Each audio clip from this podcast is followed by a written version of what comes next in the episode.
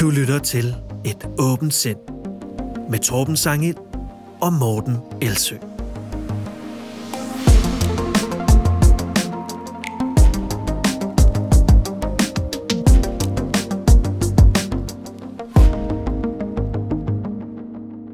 Ja, du hører premieren på vores podcast om kritisk tænkning, som vi har kaldt for Et åbent sind. Den handler om at navigere i de kaskader af information og misinformation, der omgiver os. Den handler om videnskab og pseudovidenskab, om myter og fakta, om konspirationsteorier og overtro og kvaksalveri og debatter på sociale medier.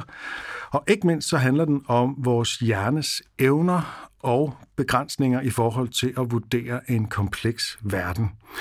Og så har vi en mission, og det er, at vi alle sammen skal blive bedre til at tænke klart og have en ordentlig samtale om, hvordan vi opnår det, inklusive os selv.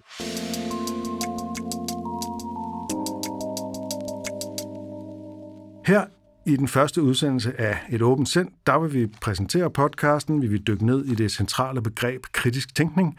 Hvad betyder det at tænke kritisk? Hvad betyder det at have et åbent sind? Og hvordan kan de to spille sammen? Og så dykker vi helt konkret ned i nogle aktuelle påstande om vacciner. Dem er der mange af. Vi tager fat i tre af dem, at vacciner er magnetiske, at vacciner kan gøre kvinder sterile, og at de kan give blødningsforstyrrelser. Men først så skal vi have præsenteret en gang for alle, hvem vi er, fordi det her er jo den første udsendelse. Du hedder Morten Elsø, og hvem er du egentlig, Morten? Jamen, øh, jeg øh, har jo lidt mange hatte på, men jeg tror, hvis vi starter helt fra den gang, jeg blev født, nej, det er nok en dårlig idé. Øhm, vi kan måske starte med min uddannelse. Jeg er uddannet øh, bachelor i molekylær medicin. Du blev født med hat på. Jeg blev født med hat på. Jeg har en uddannelse, øh, en bacheloruddannelse i molekylær medicin. Jeg var også samtidig meget øh, interesseret i madområdet, og øh, blev øh, på et tidspunkt meget interesseret i en, hvad der senere viste sig at være en modediæt, der hedder sådan stenalderkost.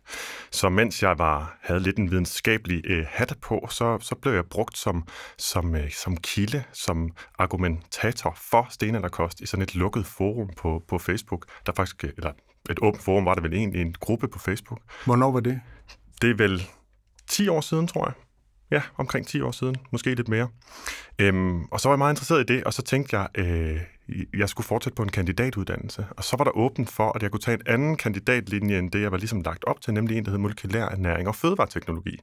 Og så tænkte jeg, yes, nu kan jeg gå ud og udbrede stenalderkost, men med en rigtig kandidatgrad i ryggen. Så jeg gik egentlig ind på det studie med ideen om, at jeg skulle blive bekræftet i det, jeg allerede troede, jeg vidste, og så skulle jeg ud og bruge mig selv som, som sandhedsvidne, hvis man kan sige det sådan, eller som, som autoritet på det område med den nye kasket på. Men? Men. Så begyndte jeg at kommunikere på sociale medier, allerede inden jeg havde forstand på, hvad, hvor lidt jeg havde forstand på. Blev mødt af kritik fra fagpersoner også, og undervejs i mit studie, og ikke mindst mit speciale, blev jeg gjort bevidst om, eller fandt jeg ud af, at mine idéer om, at GMO var farligt, og at aspartam var giftigt, simpelthen var forkert. Hvor meget gik du i forsvar i den proces? Som jeg husker det, ikke særlig meget. Øhm, jeg tror, at jeg øh, har, og det har jeg tænkt over sidenhen, jeg tror aldrig, at jeg har været mere investeret i de overbevisninger, end jeg har været, øh, øh, end jeg har haft at, at investeret i, i sociale relationer. Det har jeg sådan tænkt over, om det er en del af forklaringen. Så jeg har ikke tabt så meget ved at skulle erkende, at jeg har taget fejl i de sammenhænge. Jeg har ikke skulle give afkald på et helt øh, fællesskab, for eksempel, som mange andre, som vi måske kan komme tilbage til på et tidspunkt. Øh, den situation er der mange, der sidder i. Så mens jeg dog oplevede, at der var den her lidt øh, smertelige oplevelse ved at finde ud af, at jeg havde taget fejl, og nu skulle til at erkende det, så, så lykkedes det trods alt. Øhm, og, og jeg har så fundet ud af senere hen, at øh, rigtig meget misinformation er blevet mainstream. Det folk, de tror omkring kost, som jo er det, jeg egentlig er uddannet indenfor, det er i meget høj grad forkert. Alle bærer rundt på en lang række myter. Nogle er mere investeret i dem øh, end andre. Og der var ligesom plads til, at der kom nogen og fortalte nogle af de samme ting, som der var videnskabelig konsensus om, men hvor det ikke var en officiel instans, der kom ud og sagde det med sådan lidt en kedelig baggrund på en eller anden måde. Så det er noget af det, jeg beskæftiget mig med sidenhen, og altså også fundet ud af, hvor, hvordan det er de samme argumenter, der er for forkert information på kostområdet, som der bruges på om, øh, som, øh, om forkert information på alle mulige andre sundhedsområder også. Ja. Var det øh, præsentationen af dig? Det tror jeg, at vi må, vi må holde det til. Okay. Så vil jeg så, jo gerne høre præsentationen af dig. Øh, nej, fordi først så har vi aftalt, at jeg skal stille dig nogle øh, spørgsmål, nogle hemmelige spørgsmål, som øh, du ikke ved, hvad er men som noget, som jeg sådan er nysgerrig på, og som måske kan, kan vise nogle, nogle sider af dig. Så mit første spørgsmål, det er, hvornår føler du dig mest ydmyg? Åh, oh, det er et godt spørgsmål. Det gør jeg nok, tak. når... Øhm, det gør jeg. Det har jeg faktisk gjort flere gange under coronapandemien her, hvor det har vist sig, at der er nogle forskere, som ikke blot er rigtig dygtige til at se en masse nuancer og formidle noget stof, som jeg troede var simplere, end det var, men også formidle det på en måde, hvor jeg tænker, jeg ligger slet ikke så højt i hierarkiet som formidler, som jeg selv måske gik og troede tidligere. Så det har været en ydmygende oplevelse for mig faktisk. Øhm, på, på godt og ondt, fordi det er jo først den der erkendelse, at man ikke er så dygtig, som man er, men også en positiv øh, følelse, som det har været undervejs, at se folk være så dygtige til deres felt. Så du oplever, at der er simpelthen nogen her, hvor du tænker, wow, de, de har virkelig noget specialviden, som, som rækker langt ud over, hvad du mestrer. Ja, og det har jeg nok altid været en lille smule misundelig på, fordi at jeg flakker lidt mere i mit sind, og jeg hopper lidt rundt til forskellige emner, og, og dermed bliver det jo svært, hvis ikke umuligt, at have den helt dybdegående specialviden inden for nogle områder, og så viser det sig bare, når folk har det, at der altid er mange flere lag, og de er super interessante. Mit andet spørgsmål til dig, det er, hvilke typer, du er meget på de sociale medier, hvilke typer reaktioner fra fremmede mennesker på sociale medier gør dig mest ked af det? Øhm, jeg har altid taget lidt på vej omkring motivspekulation. Altså, at du skulle have nogle særlige skumle motiver for at, at sige det, du gør? Ja, præcis. Øhm, og, og det gør jeg ikke så meget mere, men jeg synes, øhm, jeg synes, det kan sådan ærge mig på flere planer. Jeg synes, der er en uretfærdighed i, at når man gør en stor indsats for, øh, det er jo det generelt som min formidling ikke noget, jeg tjener øh, penge på. Det er noget, jeg sætter penge til på, skulle jeg lige til at sige. Ikke?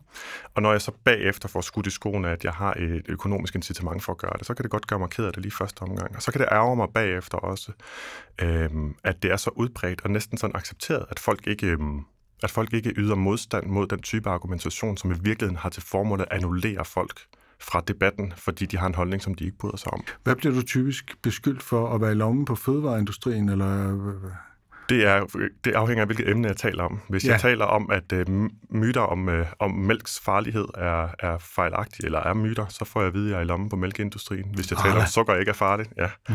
Hvis jeg taler om, sukker ikke er så farligt, som folk går og tror, så får jeg at vide, at jeg er i lommen på dansk sukker. Hvis jeg taler mod alternativ behandling, ikke engang pro-medicin, men bare mod alternativ behandling, så får jeg at vide, at jeg må være i lommen på, på Big Pharma, som det kaldes, som en eller anden en mm, opdigtet kæmpe konglomerat ja. af, af en medicinalindustri, der er et, en samlet størrelse. Ja, det her er et program, grunden til det andet spørgsmål, det her er et program, hvor vi bestræber os på at være rationelle, og jeg synes, det er vigtigt, at vi også får, får følelserne med, så, så øh, derfor så var mine to øh, spørgsmål var sådan lidt, øh, lidt følsomme. Det var dagens benspænd for mig. Ja. Jeg, øh, ja, jeg hedder Torben Sangel, og øh, jeg er ikke øh, mindre øh, flakkende, hvis, du, det var hvis det ord, du brugte, end, øh, end du er. Jeg har mange forskellige øh, kasketter på, og, og nu skal jeg prøve at, at fortælle om nogle af dem her i hvert fald. Ikke? Jeg er uddannet i filosofi og det, der hedder moderne kultur. Filosofi ved de fleste nok, hvad er. Det indebærer også videnskabsteori, vil jeg nævne i en parentes. Øh, moderne kultur, det er sådan øh, kunstens teori og analyse og historie i moderne tid, det vil sige efter 1850, og det er så alle kunstarter, øh, så det er øh, film og litteratur og musik og så videre. Ikke? Jeg har været ansat i 16 år som forsker og underviser på Københavns Universitet på moderne kultur og undervist i alt muligt og forsket i alt muligt. Jeg har øh, skrevet bøger, der er forskningsbaseret, en bog, der hedder Støjens Æstetik, der så bygger på mit speciale, en bog, der hedder objektiv, og ja, støjens æstetik handler simpelthen om støj i musik, helt konkret. Hvorfor, hvad kan det? Hvorfor, er det, øh, hvorfor giver det intensitet? Støj burde være musikkens fjende. Hvorfor bruger vi det øh, som en positiv æstetisk værdi? Og øh, objektiv sensibilitet, det er sådan, øh, det er en langhåret, øh, en langhåret æstetikteori, jeg ligesom øh, øh, udfolder der, der handler om, hvordan objekter kan udtrykke sig, meget kort fortalt. Ikke? Og jeg har forsket i betydningsdannelse i elektronisk musik som postdoc, og jeg har forsket i radiojingler. Det er jo noget helt andet end, end det, som vi øh, fokuserer på her. Ikke? Og også nogle andre videnskabelige metoder, som jeg måske på, øh, på et eller andet tidspunkt ligesom kan spille ind. Men jeg har altid interesseret mig for både videnskab og, og psykologi og for vores sinds måde at abonnere på, altså, øh, nej, abonnere på, det er jo bare foregrebet af næste sætning, vores sinds måde fungerer på. Det var fordi, jeg bare lige ville, jeg kom i tanke om, at jeg altså, allerede i gymnasiet abonnerede på illustreret videnskab, det var mm. det, jeg mm. ville sige. Der vi, det har vi til fælles i øvrigt, bortset fra, at jeg var lidt yngre end dig. Så, Ja, du så har abonneret, sammen. siden du var tre, eller sådan. Siden jeg var syv, tror jeg. Nerd. Okay. Uh, I 2013, der stoppede jeg simpelthen på universitetet og blev freelancer. Øh, jeg var allerede kunstanmelder på politikken og sådan noget. Og siden 2016 har jeg skrevet på Zetland, hvor jeg skriver om kultur og videnskab og psykologi og filosofi og komik og alt muligt andet. Jeg øh, er sådan øh, autodidakt ekspert i øh, stand-up comedy, så jeg øh, underviser i stand-up på stand-up-skolen. Jeg har et radioprogram, der hedder Comedykontoret. Jeg er også kunstanmelder på Kunsten Nu, og så videre, så videre, så videre. Jeg laver mange forskellige ting, og øh, det er egentlig øh, ret få af dem, der spiller sådan direkte ind i vores emne, men jeg vil sige, at en del af mine sætlandartikler handler om det. Ikke? Øh, men jeg har en grundlæggende interesse for videnskab og debatter, argumentation, psykologi i vores hjerner, og også for konspirationsteorier, som jeg har udbredt mig om i forskellige sammenhænge. Og apropos det, så tror jeg, jeg vil starte med spørgsmål nummer to af de to, som jeg har forberedt til dig. Jeg vil. Og det var nemlig, du har skrevet en del om konspirationsteorier, som du selv er inde på. Øhm, et par artikler og et par øh, opslag og noter på Facebook også. Øhm, hvad startede din interesse i lige præcis konspirationsteorier? Kan du huske det? Ja, det kan jeg faktisk. Øh, I nullerne, der, øh, der havde man noget, der hed weblogs. Øh, Det er det, der senere hedder blogs. Det blev også lidt kaldt dengang. Men jeg havde en weblog øh, allerede i 2003. Jeg var faktisk for en gang skyld ret first mover-agtig. Øh, og der havde jeg sådan en øh, ting, som jeg i øvrigt har videreført på Facebook, at jeg lavede nogle quizzer, hvor øh, præmien for den, der først gættede rigtigt, var, at man kunne diktere mig emnet for et, et øh, opslag på et, et, et blogindlæg. Ikke? Og der var der altså en, der vandt, som så øh, bad mig om at se den film, som hedder Zeitgeist. Jeg ved ikke, om du kender den. Det var Jo. en af de første, det er ligesom øh, en af sådan grund-YouTube-konspirationsvideoerne, som er alen lang og som øh, argumenterer for, øh, som bruger enormt lang tid på at argumentere for, at øh, Gud ikke øh, findes, at kristendommen er øh, øh fejlagtig, for at øh, 9-11 var et inside job, og for at øh, øh hele vores finansielle system er i lommen på nogle få øh, mennesker. Ja, det var egentlig en spøjs sammensætning af sådan tre helt Tre, separate tre elementer. øh, øh, ikke sammenkoblede elementer, men som bare viser, at den er helt gal i verden, og som var ekstremt manipulerende øh, med musik og med billeder, og gik ned i en masse falske påstande, hvor jeg begyndte at faktatjekke dem, og hver eneste gang fandt jeg ud af, at den her påstand holder jo ikke vand, og så, så stoppede jeg på et eller andet tidspunkt, og så skrev jeg sådan en status... Øh, nej, ikke, det hed det ikke. Øh, Et blogindlæg hed det. Et weblog-indlæg. et weblog-indlæg, hvor jeg, hvor jeg sådan, øh, skrev mine tanker om det der, og ligesom sagde, altså det, det, de intro, altså som blandt deres evidens intro, de øh, øh, Dionysos fødselsdag og sådan noget, altså fuldstændig vanvittigt. Dionysos var født den 25. december. Øh, hvad? At det, det, ja, jeg, jeg kan slet ikke. Øh, og der kom der så, og der blev jeg ringet op af folk, der ville fortælle mig om chemtrails, og, og mm. der var folk i kommentarsporet, der skrev om 9-11 og sådan noget. Så der blev jeg ligesom kastet ud i hele det der. Ved du, hvem der virkelig blev overbevist af Zeitgeist-filmen? Dig. Ja. Ej, hvor er det sjovt. Jeg blev jo, øh, det var, det var min, øh, mit første møde med konspirationsteorier, sådan rigtigt. Hvor jeg i hvert fald vidste, at det var altså, cirka det, det handlede om. Så jeg var... Og det, det, når, jeg, når jeg kender dig nu, og jeg har jo ikke kendt dig så længe, så undrer det jo mig, at du kan, kan sidde og se den der og tænke, ja, det kan jeg heller ikke, men det kunne jeg. Og du skal jo tænke på, at jeg er meget yngre end dig, Torben, så jeg var jo også yngre du end dig, var da jeg seks år gammel. altid. Jeg kan ikke huske, hvornår den film den udkom. Jeg mener, det var i fire eller sådan noget. Ja, fire-fem stykker, ja. Ja, så der har jeg været 18, 17-18 år. Ja, okay. Så der var jeg nok mere påvirkelig. Der var jeg mere påvirkelig, end jeg var i dag. Ja. ja. Og Så det- teenager elsker jo sådan alternative tanker og ekstreme tanker og sådan noget. Det er der også mange andre, der gør, kan vi så åbenbart konstatere. Men øh, det andet spørgsmål, jeg havde til dig, det var, hvilken indgroet øh, fejlagtig overbevisning eller tro husker du sådan tydeligst at blive konfronteret med? Og hvordan var oplevelsen af den konfrontation? Altså, hvor du måtte erkende, at du tog fejl? Er der noget, der dukker op, når jeg spørger om det? Det første, der kommer til mig, det er, det er mere et holdningsspørgsmål egentlig, men det er min holdning til atomkraft. Hmm. Hvor jeg, øh, siden jeg var, jeg, jeg kan jo huske Tjernobyl-katastrofen. Øh, der var jeg teenager, ikke? Og øh, det var ret voldsomt, altså. Og der havde allerede været ulykken på Three Mile Island, ikke? Øhm, og det fik mig til at være ret overbevist øh, atomkraftmodstander, fordi jeg tænkte, hvis det allerede er sket to gange, så, så, så dur det ikke, at folk de siger, at det sker stort set aldrig, og sandsynligheden er næsten ingenting. Det er sket to gange. Hvad snakker jeg om? Ikke? Øh, og så er der ovenikøbet jo været sådan øh, øh, jordskælvet i Japan og så videre. Ikke? Øh, men det er så øh, egentlig ret tvivlsomt, hvor, hvor, hvor voldsomme konsekvenser det egentlig havde, mm. selve udslippet fra atomkraftværket. Men Tjernobyl er der jo ingen tvivl om, at det var galt. Men det, som jeg har set en ma- jeg har, øh, altså Zetland har skrevet, min kollega Thomas Hepsgaard har skrevet en glimrende artikel på Zetland om, hvorfor atomkraft er noget af det bedste, vi kan gøre for miljøet overhovedet. Der er stadig lige problemet med restaffaldet, ikke? Men bortset fra det, så er det en meget ren energikilde. Og sikkerheden, hvis ikke man har et eller andet vanvittigt kommunistisk øh, system, mm. øh, er utrolig høj. Øh, og, vi, og det, er noget, det er en teknologi, der hele tiden bliver udviklet og sådan noget.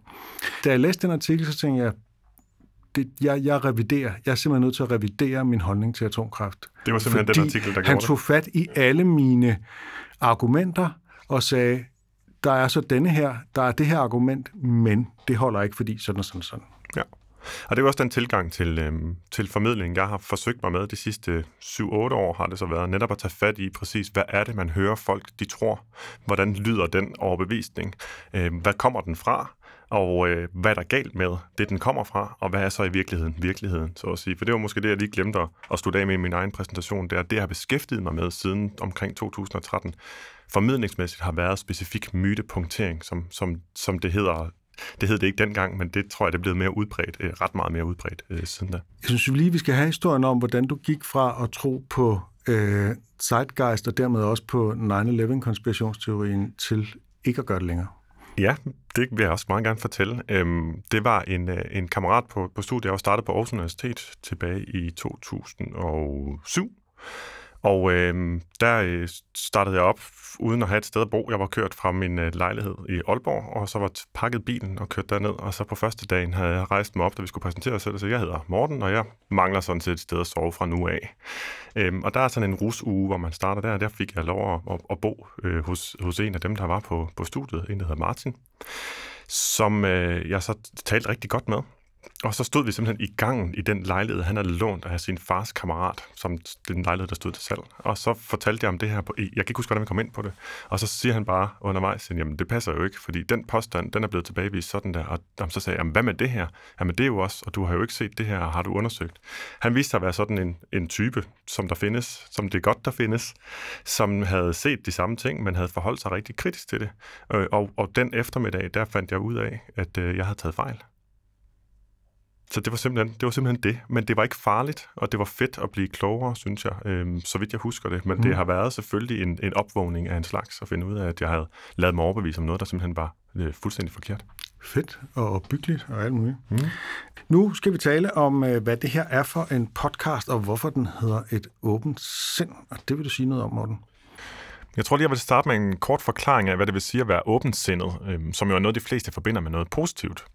At være åbensindet, det er at være modtagelig over for forskellige idéer og informationer og perspektiver, også selvom de måske strider imod det, man i forvejen tror fuldt og fast på. Så åbensindighed indebærer altså også, at man er klar over, at det, man tror på nu, uanset emnet, muligvis er forkert. Og ideelt set også en reel interesse i at lede efter modargumenter, selv når man læser noget, der bekræfter en i det, man tror på. Så der er altså en indbygget ydmyghed i at være åbensindet. Også en villighed til at erkende, når man tager fejl.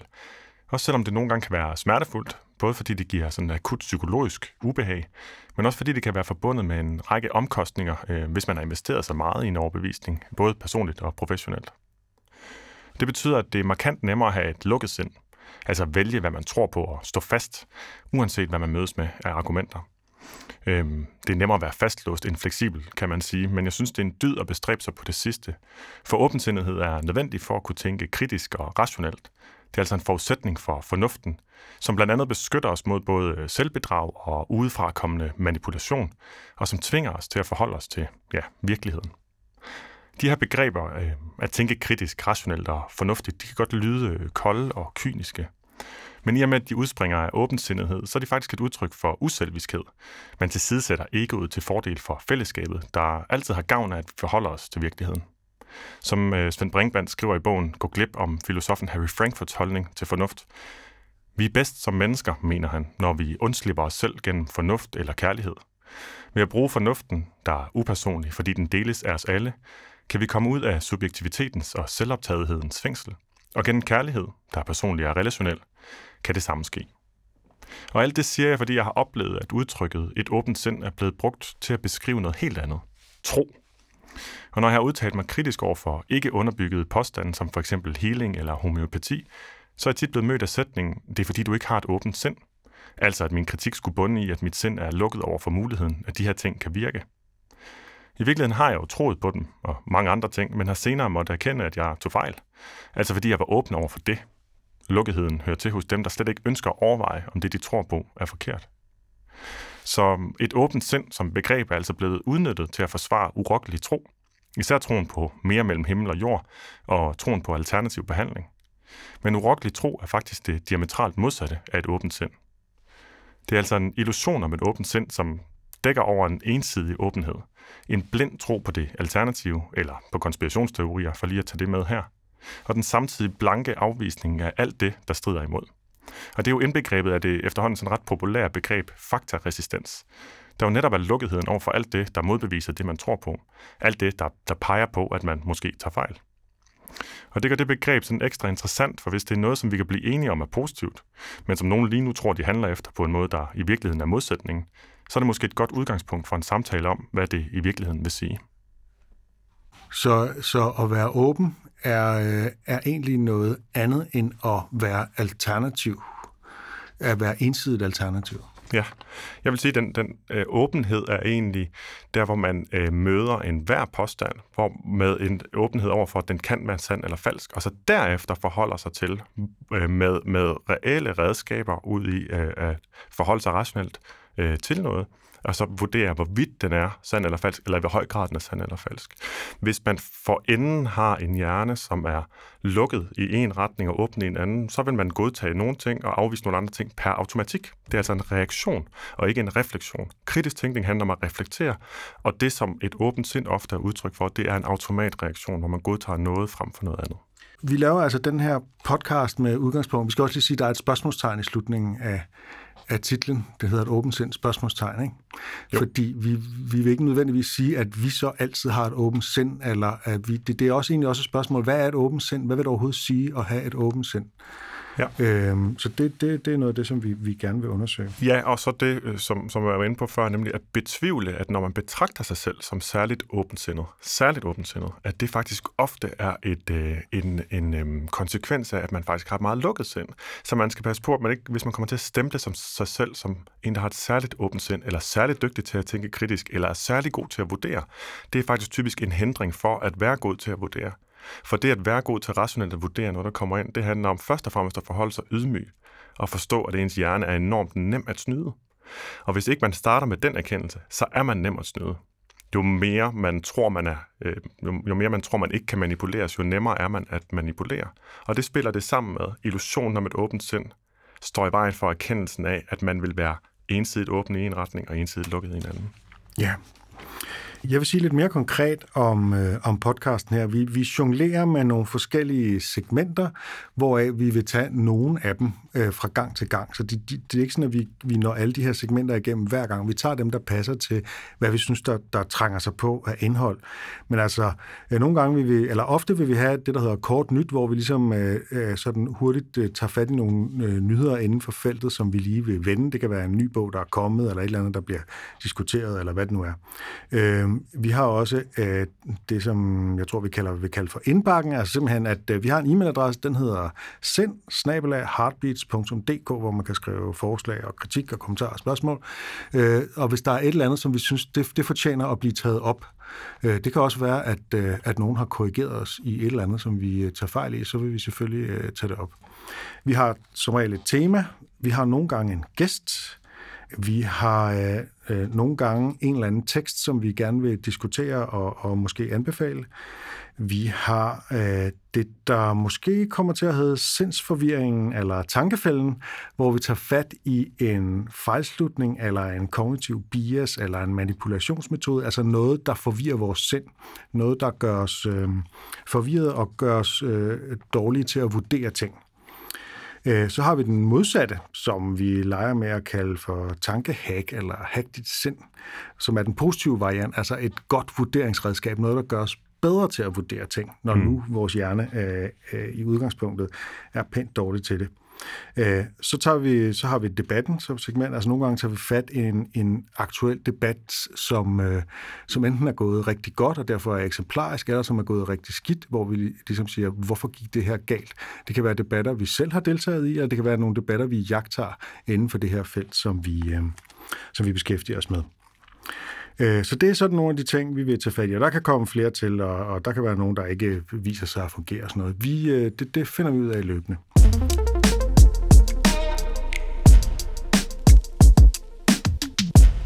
Med det sagt, så lad os gå til det segment, som hedder temaet. Og temaet i dag, det er simpelthen, hvad er kritisk tænkning, og hvorfor er det vigtigt?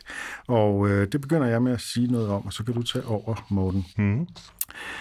Kritisk tænkning, det handler ikke om at være imod noget, eller om som sådan at kritisere noget. Det betyder, at man ikke bare tager det, man bliver præsenteret for, for givet, men at, altså med mindre der er gode argumenter for det. Øh, og det kan vi selvfølgelig ikke gøre hele tiden. Vi er nødt til at have en grundlæggende tillid til hinanden. Det synes jeg faktisk er virkelig vigtigt, at vi har. Så hvis du, Morten, siger, at du er sulten, så skal jeg have en særlig grund til at være mistænksom øh, over for det udsagn, kan man sige. Ikke før jeg begynder at stille spørgsmålstegn ved det, fordi det regner jeg selvfølgelig med, at du siger, fordi du er sulten. Hvorfor skulle du ellers sige det? Mm-hmm. Øh, men der er jo alle de her informationer, vi bliver præsenteret for i mediestrøm, hvor folk kan, de kan tage fejl uden at vide det. De kan bevidst prøve at manipulere en, for eksempel for at sælge noget.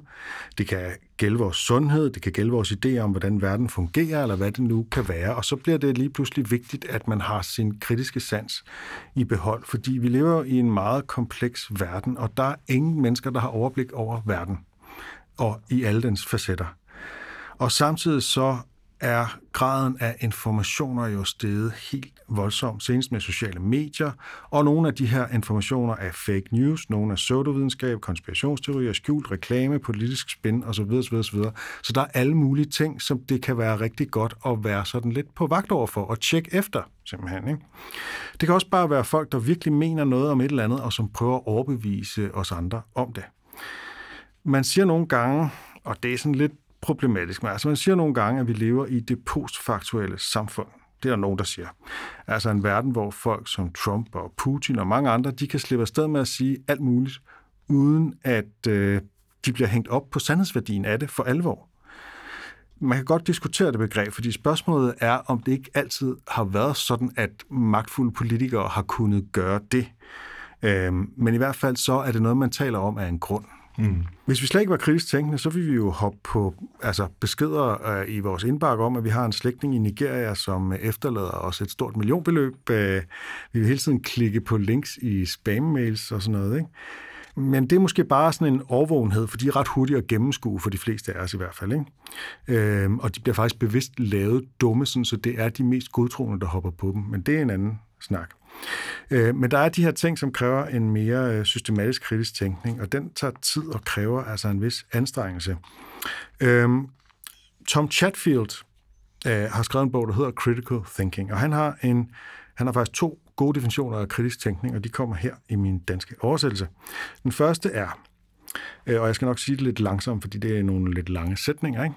Men den første definition på kritisk tænkning, det er at bestræbe sig på aktivt at forstå, hvad der egentlig er på færre, ved at for det første resonere, ved at vurdere resultater og argumenter, og ved at tænke grundigt over tankeprocessen selv, altså reflektere, selvreflektion. Han formulerer det også på en anden måde. Det er at lære at erkende vores egen og andres begrænsninger, og vide, hvornår man skal stoppe op og tænke efter, og stille de rigtige spørgsmål for at finde ud af, hvad der er tilfældet. Jeg synes, det er to gode definitioner at, at øh, holde sig for øje, og som vi kan arbejde videre med.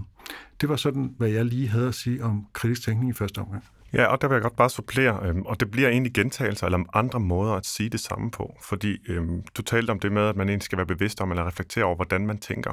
Og derfor så kaldes kritisk tænkning også for metakognition. Det er tænkning om tænkning. Øhm, nu kan jeg lige pludselig ikke huske, hvem der har sagt det, men, øh, men der er en, der har, der, har, der har defineret det som, at øh, kritisk tænkning er tænkning over din tænkning, mens du tænker med henblik på at tænke bedre. det er selvfølgelig oversat fra engelsk, så det critical thinking is thinking about your thinking while you're thinking in order to make your thinking better. Det er en meget, en meget sjov formel. Og den er jo meget præcis, men den er også øh, ikke så intuitivt nem at forstå. Man skal nok have læst eller hørt den sætning mange gange, før det giver mening. Så det er altså metakognition, og det er metakognitive redskaber, der har til formål at vurdere sandhedspåstande. Det var du også inde på før, du brugte ikke det begreb, men at der netop er forskel på påstande. Vi behøver ikke forholde os skeptisk eller kritisk til alle påstande, øhm, men dem, som, som man så kalder sandhedspåstande, det er altså nogen, der, der, der ytrer sig lidt bredere om ting og om sammenhænge, og især kender jeg sandhedspåstande inden for, for sundhedsbranchen. Der er forskel på at sige, at jeg har ondt i maven, når jeg spiser aftensmad, og så sige, at alle mennesker øh, maver øh, tager skade af at spise gluten. Det sidste er en sandhedspåstand. Det første, det er det, der måske kaldes, kunne kaldes en fænomenologisk påstand, eller bare en subjektiv oplevelse du fik også beskrevet det, tror jeg, som at kritisk tænkning er lidt det modsatte af ukritisk tænkning. Man kan starte med at sige, at jamen, det at forholde sig helt ukritisk til alt, hvad der kommer ind, det er selvfølgelig ikke at være kritisk. Der er også, igen for at bringe fokus tilbage på det, jeg nævnte i forbindelse med et åbent sind, så er det også, at opstået den fejlforståelse her i, øhm, under corona, at mange har illusionen om at være kritisk tænkende, netop fordi de forholder sig særligt kritisk til alt det, der kommer fra officielle kilder, men så igen forholder sig ukritisk til alt andet. Og det er meget vigtigt at være bevidst om, at vil man gerne være kritisk tænkende, så skal man forholde sig kritisk til uanset, til, til information, uanset om det bekræfter en eller ej. Og i virkeligheden er der, hvor det er sværest, og der, hvor det kræver, at man aktivt reflekterer, som jeg også mener, du var inde på, det er faktisk der, hvor man mødes af påstande, som umiddelbart støtter op om det, man i forvejen tror på, som umiddelbart stemmer overens med. Der er det, man skal man finder ud af, at man netop reagerer på automatik. Man bliver glad for at finde information, der synes at bekræfte, man tror på, så tjekker man det ikke, fordi det giver en god følelse at blive bekræftet, og det, giver ikke, det, det kræver arbejde at prøve at tjekke efter, om det passer. Og du har allerede været inde på det her med, en ensidig skepsis er, er, er ikke en åbenhed. Det er jo, øh, man, hvad man kunne kalde for en mistænksomhedsbias eller sådan noget. Ikke? Jo. Altså det er, det er simpelthen en, en form for automatreaktion, at alt, hvad der kommer fra officielt hold, bliver betragtet med mistænksomhed. Mm. Alt, hvad der kommer fra alternative kilder, bliver betragtet som øh, øh, troværdigt. Ja. Øh, og... det, det, er jo, det er jo en meget problematisk måde at gå til verden på. Ja, og jeg synes faktisk, det har været imponerende og, og øhm, man kan sige, fascinerende at følge med i igen her under coronapandemien, fordi der er jeg blevet klogere også på konspirationsteoretisk tænkning. Og der, hvis man virkelig øhm, destillerer det, så kan man sige, at deres eneste, hvis man virkelig adhererer til troen, altså virkelig abonnerer på troen på konspirationsteorier, er inde i de fællesskaber, så kan man se, at folks eneste sandhedskriterie faktisk er, at information strider imod den officielle information. Og det har den tydelige og spøjse konsekvens, at man ender med at kunne tro på ting, der er gensidigt udelukkende og modstridende. Men man kan godt have de, tro, de, de, de to stykker tro, eller flere stykker tro, som udelukker hinanden op i hovedet på samme tid, så længe det taler imod det. Så det er rigtigt, altså det, det er den officielle forklaring, hvis man kan sige det sådan. Et eksempel er, at en studie har vist, at hvis man, øh, altså, hvis man tænker meget konspirationsteoretisk, så kan man både tænke, at øh, øh prinsesse Dianas død var faked, øh, og at hun blev slået ihjel så altså, at hun er i live og ikke er i live på samme tid. Det er ikke et problem at have de to øh, forskellige overbevisninger op i hovedet, fordi det eneste kriterie, man har for, at man tror på noget, er altså, at det strider mod den officielle forklaring. Og øh, du har også brugt øh, øh udtrykket, øh, en af vores samtaler, brugt udtrykket, som jeg godt kan lide, tankefælder. Ja, og, og det falder ind under, hvad er det, vi skal være op, særligt opmærksom på, hvis vi gerne vil være kritisk tænkende. Den første er netop vores bias. Hvad er det, vi normalt automatisk vil godtage, og normalt automatisk vil afvise? Hvis vi er bevidst om det, så bliver vi bedre til at forholde os kritisk i begge retninger, så vi bliver mindre automatafvisende og mindre automatgodkendende, altså mere rationelle. Den anden del er det, der hedder logiske fejlslutninger. Jeg kalder det så også tankefælder, fordi jeg synes, det giver, giver god mening, øh, eller det er et ord, som, som, som giver god mening til at forklare, hvad det er, vi taler om. Tankefælder, det, det er for eksempel sort-hvid tænkning, at enten er man er i den her situation, og hvis vi har corona også som bagvedliggende tema, det kan vi ikke, ikke have, tænker jeg, i den her tid, at øh, så er man enten øh, sølvpapirshat eller regeringslakaj. Ja, eller, altså, eller, eller det der er værre, altså man marcherer i takt med Mette, som ja. det nogle gange hedder. Ikke? Så, og det er det, der og hedder... hun, er, hun er en form for diktator, og vi mm. marcherer bare fuldstændig ukritisk i takt.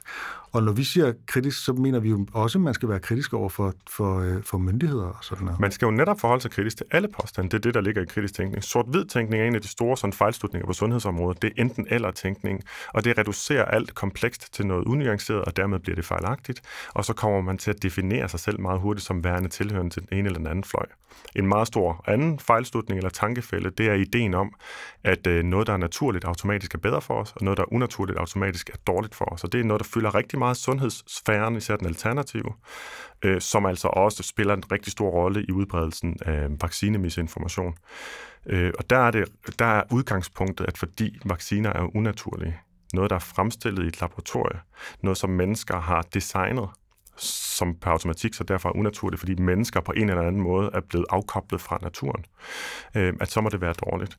Og der tænker man slet ikke over, at naturen jo altid har forsøgt at slå os ihjel. Øh, sådan set. Og de ting, vi har gjort, der har gjort vores liv bedre øh, gennem de sidste 100 år, har jo faktisk været en måde at beskytte os selv mod naturens måde at slå os ihjel på. Nu så det er du... bare et par eksempler ja, på tankefælder. Ja. Klart.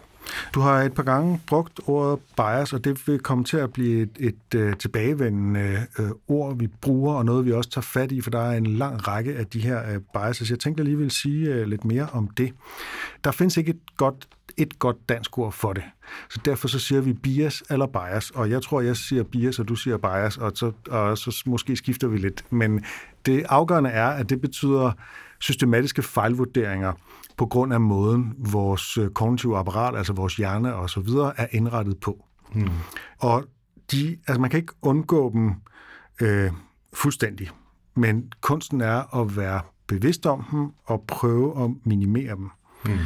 Confirmation bias øh, er, øh, altså bekræftelsesbias, er måske... Øh, den mest udbredte, så den vil, jeg, den vil jeg lige tale lidt mere om, og vi kommer helt sikkert til at gå dykke mere ned i den, men det er den, at vi gerne alle sammen vil bekræftes i vores forudfattede meninger. Og derfor er vi langt mere interesseret i for eksempel forskningsresultater, der støtter vores idéer, end dem, der går imod dem, og i det hele taget så, så søger man altså bekræftelse på det, man allerede tror.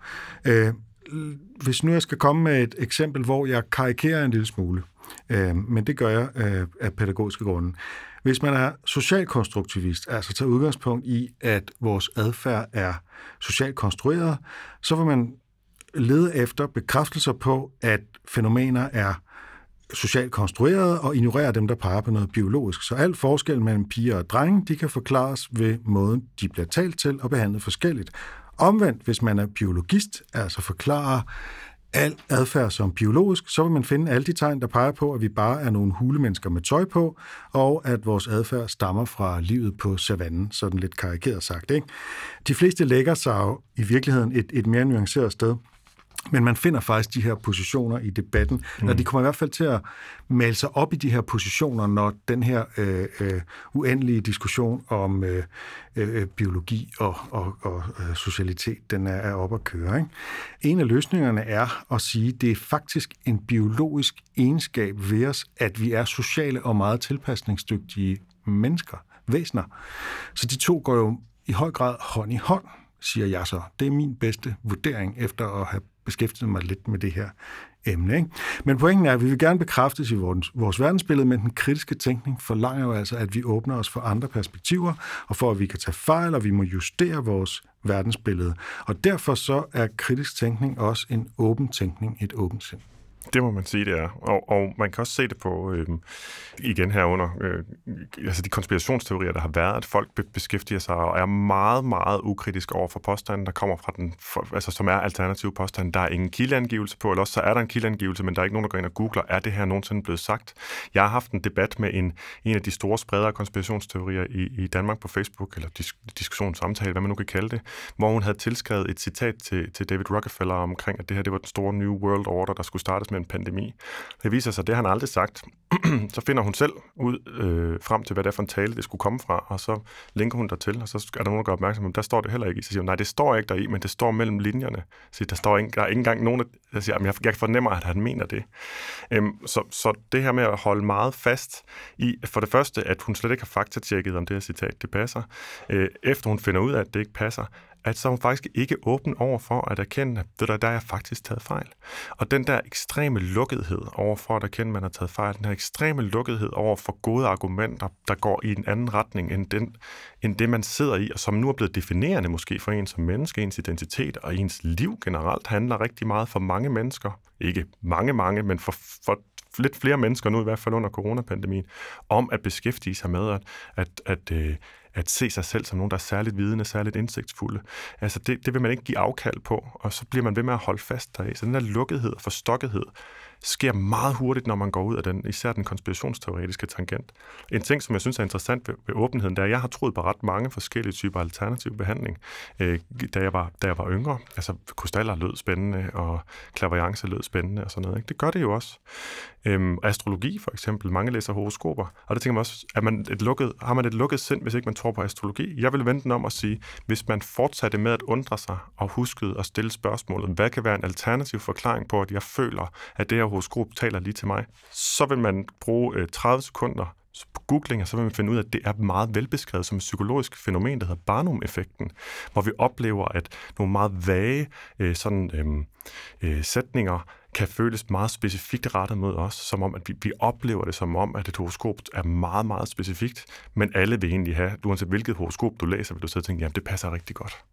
Og det ja. er beskrevet, men det finder man kun ud af, hvis ikke man lader, sig, man lader sit sind lukke af, at man, man, man tænker, at det må være stjernernes placering, der er blevet født, der gør det, og i stedet er fortsat åben over for, hvad kunne ellers forklare det? Og den åbenhed og den undren øh, vil jeg jo plædere for, og kan jeg se, at folk, der påstår, at de har et åbent sind, rigtig ofte faktisk ikke har. Og øh, vi skal snart til at afslutte det her øh, tema. Jeg vil bare lige understrege, at ligesom at vi alle sammen er præget af de her bias, øh, og kunsten er at være bevidst om at prøve at, at øh, minimere dem, så kommer vi også alle sammen til at begå fejlslutninger, men vi kan anstrenge os for at minimere dem, og vi kommer også alle sammen til at være urimelige i debatter en gang imellem. Jeg gør i hvert fald. Men man kan bestræbe sig på at holde en saglighed, også selvom at modparten i en debat ikke gør det, og det, det er noget af det, der kan være svært, ikke? hvis den anden ligesom øh, råber ukvemsord efter en og beskylder en for alt muligt, og så holde fokus på bolden. Mm. Øh, men det kan være, at vi, øh, vi på et tidspunkt kan give nogle tips til, øh, til god debatskik eller sådan noget. Jeg har i hvert fald lært noget det sidste års tid, hvor jeg føler, at jeg er en lille smule mere øh, udrustet til at kunne give nogle tips, end jeg kunne for, for bare to år siden.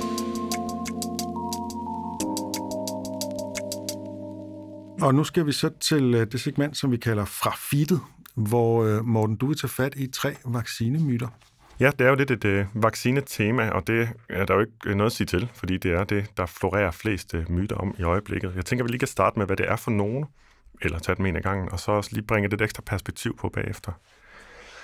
Så den første, det er den, der nok har været udbredt i, i længst tid. Det er en, øh, en påstand om, at vacciner gør folk infertile, altså simpelthen, eller gør kvinder ude af stand til at få børn. Og det er jo øh, først og fremmest, øh, vil jeg lige understrege, en, en påstand, som meget, meget hurtigt skaber frygt.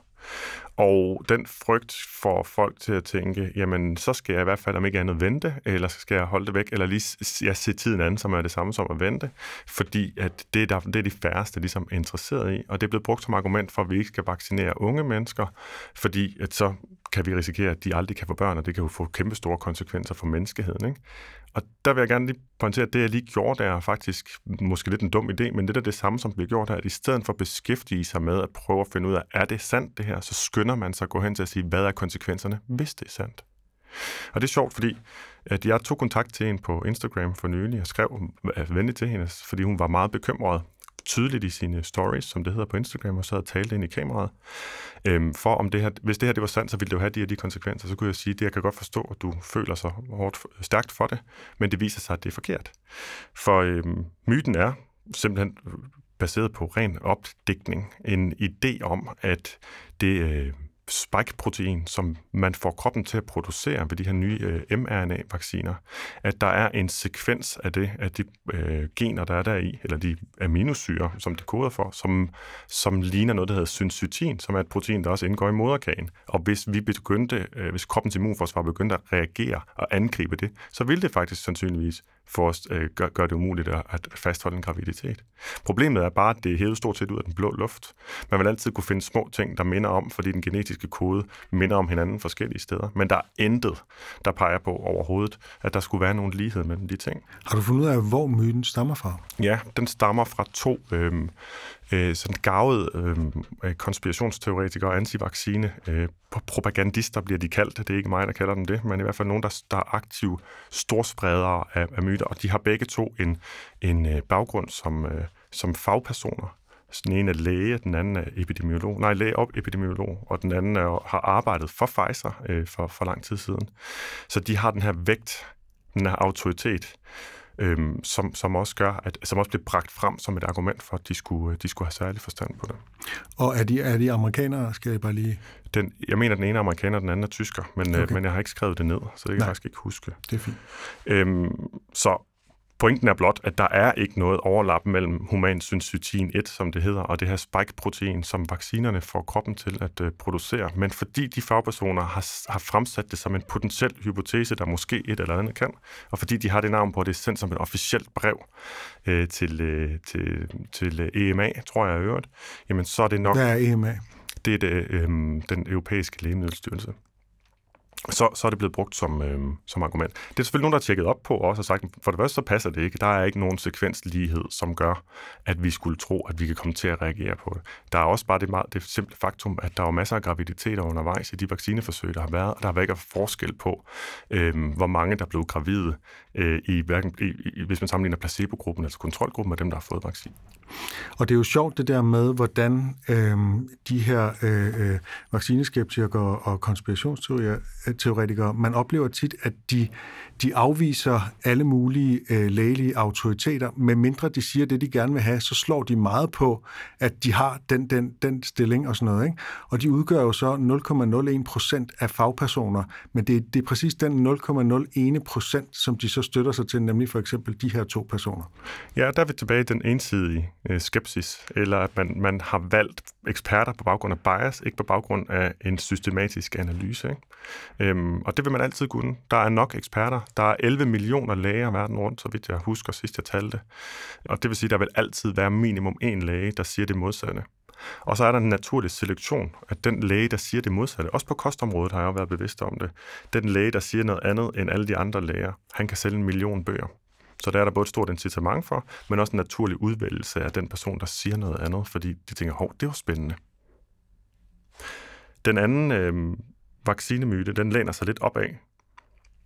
Fordi når man så taler om fertilitet, så er der så en sådan, den mest sådan alternativ spirituelle del af Instagram blandt andet, øhm, ser øh, netop det, øh, at vi kan være, man kan bære et liv og have en livmoder og graviditet og sådan noget, som en, som en særlig sådan spirituel eller en åndelig forbindelse til universet. Det kan jeg ikke forklare yderligere, det er bare nogle af de ord, der bliver brugt. Øhm, og det vil også sige, at hvis man så får nogle øh, blødningsforstyrrelser eller noget andet, der indikerer, at der er noget galt med reproduktionssystemet, eller noget, der er ude af balance, nu bruger jeg altså nogle sådan nogle vage ord, som bliver brugt der, som ikke betyder så meget, jamen øh, så må det være en indikator på, at der er noget helt galt her med, med den vaccine. Og det, der så er sjovt, det er, eller interessant, at her er, det ikke, er myten ikke blot, at der er nogen, der oplever øh, stærkere menstruationsblødninger, når de har fået vaccinen. Det er også, at hvis man bare er i selskab med nogen, der har fået vaccinen, så skulle man opleve det. Øh, og der er deres påstand så, at der sker en anden shedding, altså man ligesom fælder øh, nogle særlige proteiner, som man er, man er begyndt at producere, når man har fået Fælder altså afstøder fra kroppen, eller hvad? Nej, hvordan skal det forstås? Fælder ligesom man fælder pels. Jamen, det jeg er vel også afstød fra kroppen, eller, eller øh, tabe fra kroppen? Eller, ja, tabe ja. fra kroppen. Afstødelse for mig betyder en ja, okay. immunologisk det, afstødelse. Det er en lidt voldsomt udtryk, ja, ja. Ja, så simpelthen, at hvis man er i rum med en, der er blevet vaccineret, så er der noget, de udgiver, øh, øh afgiver af stoffer, som man ligesom åbenbart selv må mødes, blive mødt med, og som man kan reagere på ved at få øh, cyklusforstyrrelser, som de også øh, kalder det. Der er jo i det hele taget teorier ude, øh, konspirationsteorier ude om, at øh, vacciner, de smitter. Altså vaccinerne smitter, så man skal ikke være i lokale med nogen, der er blevet vaccineret, hvilket øh, er ret forfærdeligt, når det betyder, at man så ikke vil besøge sine gamle forældre, der er blevet vaccineret. Ja, eller nu du bringer det på bane, så er jeg, jeg er informeret om, hvad der sker bag, inde i nogle af de lukkede grupper, hvor folk de, finder, de siger, hvad der sker hvad hvad de siger. Der er sådan hjemmeskolings, øh, lukkede hjemmeskolingsgrupper, hvor det altså simpelthen er forbudt at deltage i arrangementerne, hvis man er blevet vaccineret. Så den her... Øh, opdeling og apartheid, som vi, som vi hører som den her skræmme retorik omkring, hvorfor at man ikke må på nogen måde skabe nogle særlige øh, øh, hvad kan man sige, privilegier for folk, der er vaccineret, kontra folk, der ikke er. Den bliver altså, det, det er et godt eksempel på den spejling, der altid foregår for den alternative eller konspirationsteoridrevne side, at de gør sådan set det, de anklager os andre for. Og her er der et godt eksempel på det. Men altså ideen om, at vi skulle sjette et eller andet, det er altså, altså fælde, altså afgive nogle stoffer, når vi er blevet vaccineret, den er igen det pure opspænd. Det er rent fri fantasi.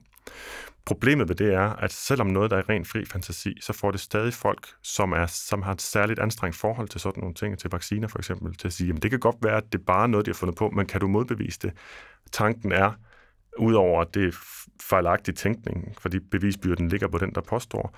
Men derudover så giver det, at så snart man har fået frygten ind i hovedet, så forsvinder den altså ikke af sig selv igen. Og heller ikke med gode argumenter, fordi gode argumenter trumfer ikke en følelsesstyret, øh, hvad kan man sige, reaktion.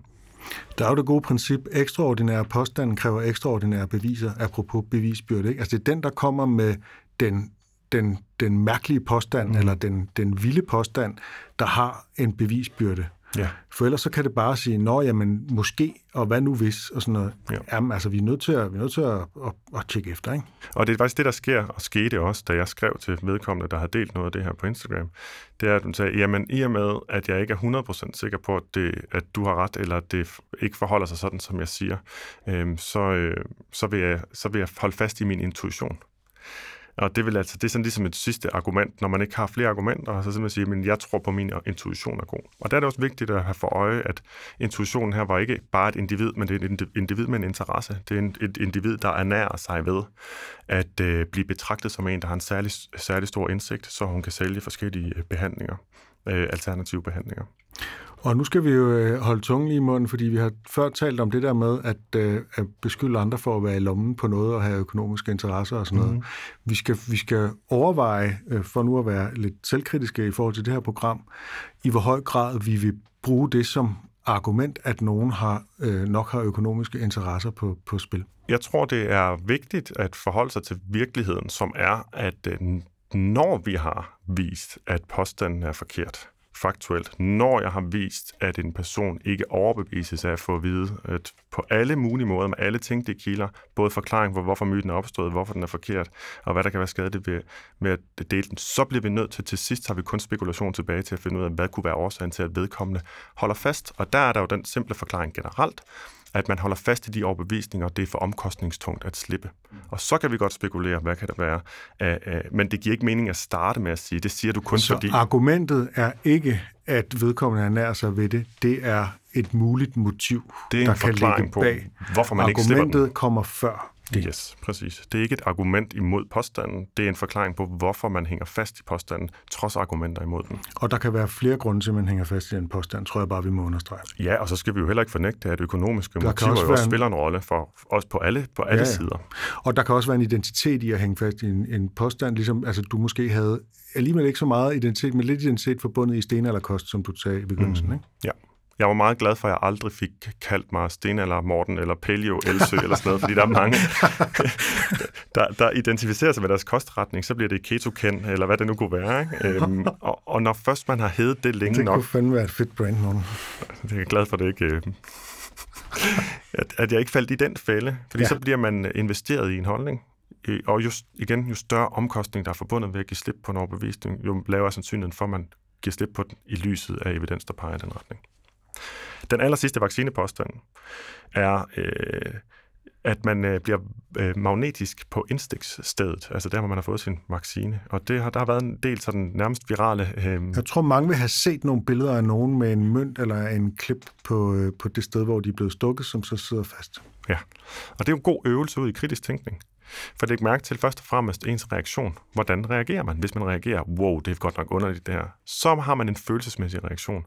Den følelsesmæssige reaktion står i vejen for, at man forholder sig rationelt. Så der skal man simpelthen bruge det som en lille trigger, eller en lille mm, ja, anker, hvor lægge mærke til, når jeg har en følelsesmæssig reaktion på noget, jeg ser, hvor jeg føler enten frygt eller forarvelse, eller hvad end den ellers kan være, at så er det der, jeg skal, aktivt skal slå den kritiske tænkning til. Og en af de spørgsmål, man altid kan stille sig selv i situationer, hvor der bliver serveret eller antydet en åbenlys forklaring, det er at sige, hvad kunne være en anden forklaring end det, der præsenteres som den åbenlyse. Så hvad kunne være en anden forklaring, end at man bliver magnetisk? Altså en anden forklaring på, at vi kan se eksempler på, at folk de kan have et stykke rundt metal siddende på siden af armen. Jamen, øhm, friktion er et rigtig godt bud. Altså, sjovt nok er det aldrig en kugle, der sætter sig fast. En kugle har et, et tyngdepunkt, der ligger uden for armen. En mønt har et tyngdepunkt, der ligger helt inde ved. Så det er altså en stor flade, som kan give meget friktion, øh, og så vejer den relativt meget, det giver også mere øh, friktion, og så er der ikke noget, der hiver den ud fra armen. Det vil sige, hvis du bare har armen i en lille bitte smule skæv vinkel, med en lille bitte smule fugt eller hudfedt derpå, som langt de fleste har, så er det rigtig nemt at sætte en mønt fast øh, hvor som helst på kroppen. Og det passer så ikke helt, fordi så snart du kommer et sted hen, hvor der er hår, der sidder i vejen, så er det ikke nemt. Og hvor de fleste mennesker, der har hår på alle mulige steder, der er lige præcis skulderen nemlig et relativt øh, hårløst område. Jeg har heller ikke endnu set en video, hvor der er en, der har en behåret skulder, hvor det sidder fast. Og vigtigere endnu, man kan lave et meget simpelt eksperiment, som øh, den dygtige skeptiker James Randi, som har punkteret rigtig mange myter gennem de sidste 50 år nærmest, ikke? og døde vel sidste år, tror jeg, i en meget høj alder, heldigvis. Øhm, han har vist tidligere, hvor folk de har påstået, at de har været magnetiske, altså ligesom som sådan et cirkustrik, eller her er en, der kan noget helt særligt, hans krop er ekstraordinær. At der har han gjort det meget simpelt for at udelukke, at det har noget med friktion at gøre, så har han simpelthen smurt, puttet talkum på det sted. Og så er der intet, der sidder fast. Jeg savner stadig at se øh, en video, hvor der er nogen, der kan sætte øh, også bare en mønt fast på siden af armen, der lige er blevet, hvor armen først er blevet behandlet med talkum. Og jeg synes jo, det er interessant, at selv øh, chefredaktør på Ekstra, Ekstrabladet, eller øh, afgående chefredaktør på Ekstrabladet, Poul Madsen, har øh, på Twitter øh, uploadet et billede, hvor han har sådan en, en mønt på sin arm.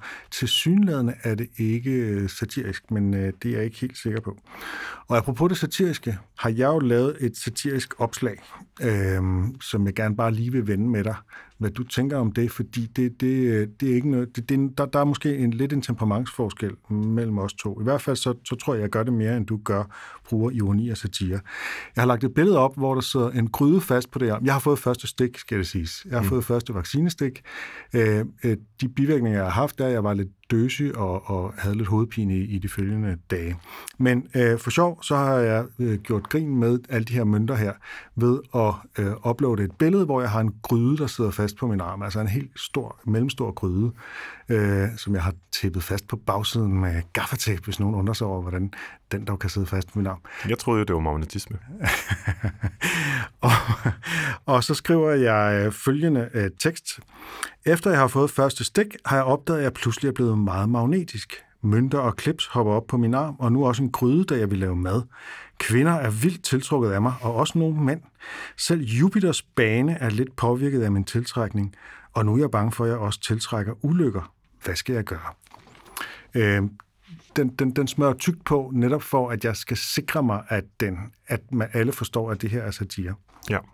Og jeg tænker jo, at øh, der er jo nogle, umiddelbart nogle ulemper ved at lave det her. Ikke? Det kan støde nogen. Der var faktisk også en, der var stødt, fordi hendes far øh, øh, var død, måske af vaccinebivirkninger, i hvert fald i tiden efter vaccinen, øh, som skrev til mig og sagde, at hun synes, at det var, det var upassende at gøre grin med vaccinebivirkninger, og hvor jeg måtte svare, at jeg altså, kondolerede for hendes far og al medfølelse og sådan noget, men at øh, mit opslag ikke handlede om vaccinebivirkninger, det handlede helt specifikt om den myte, at øh, vacciner gør magnetiske, og alle de der billeder, folk havde uploadet, det var en mm. direkte reference til den, ikke til bivirkninger som sådan.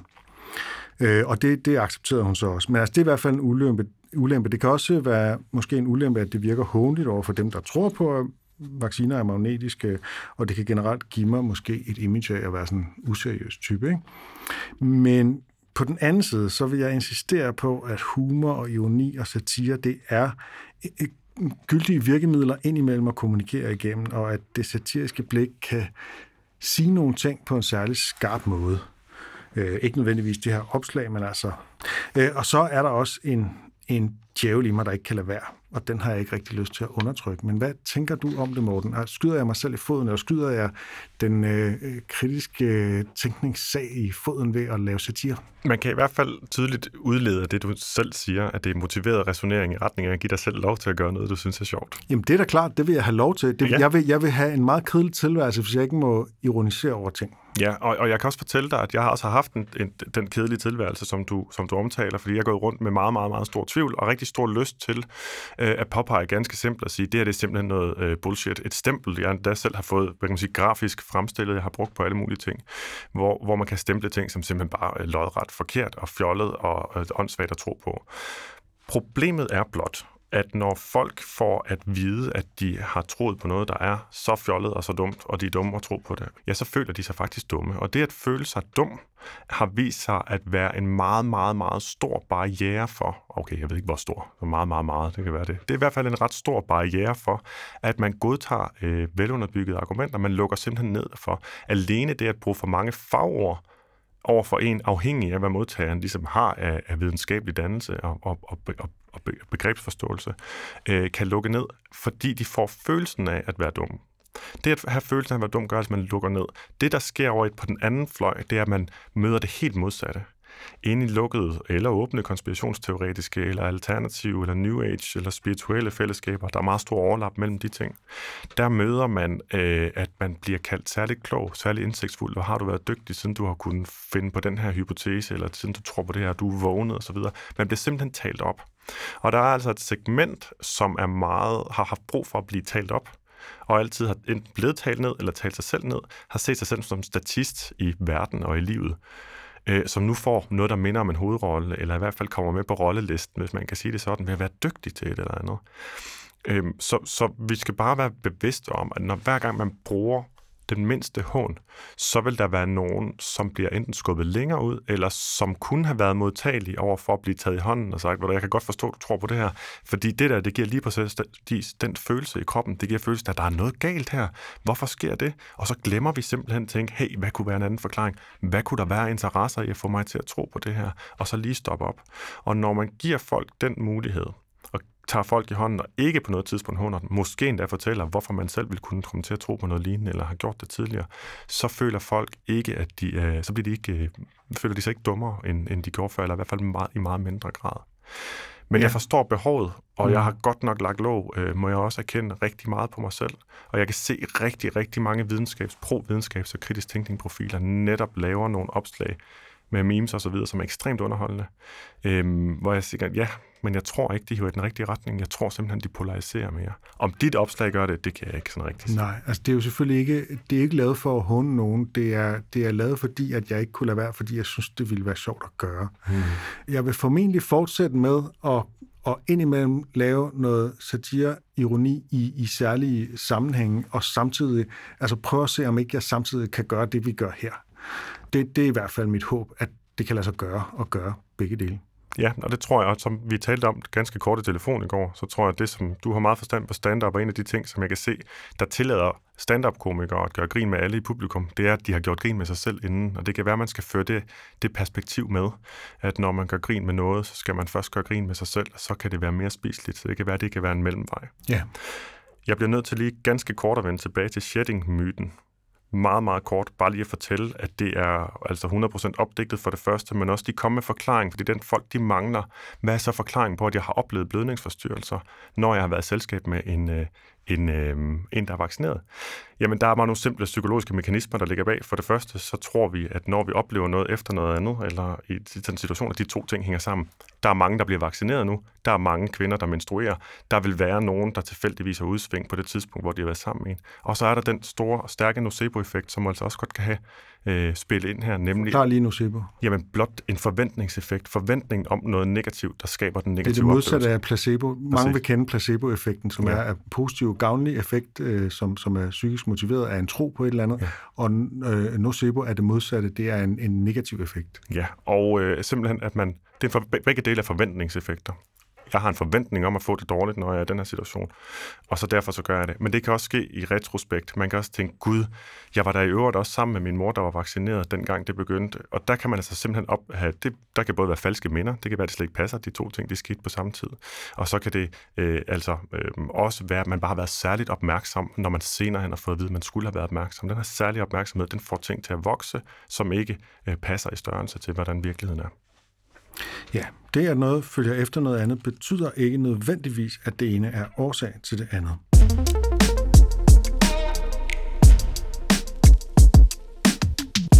Vi er ved at være ved vejs ende i den første udsendelse her. Det er dejligt at være i gang, Morten. Ja, det synes jeg også.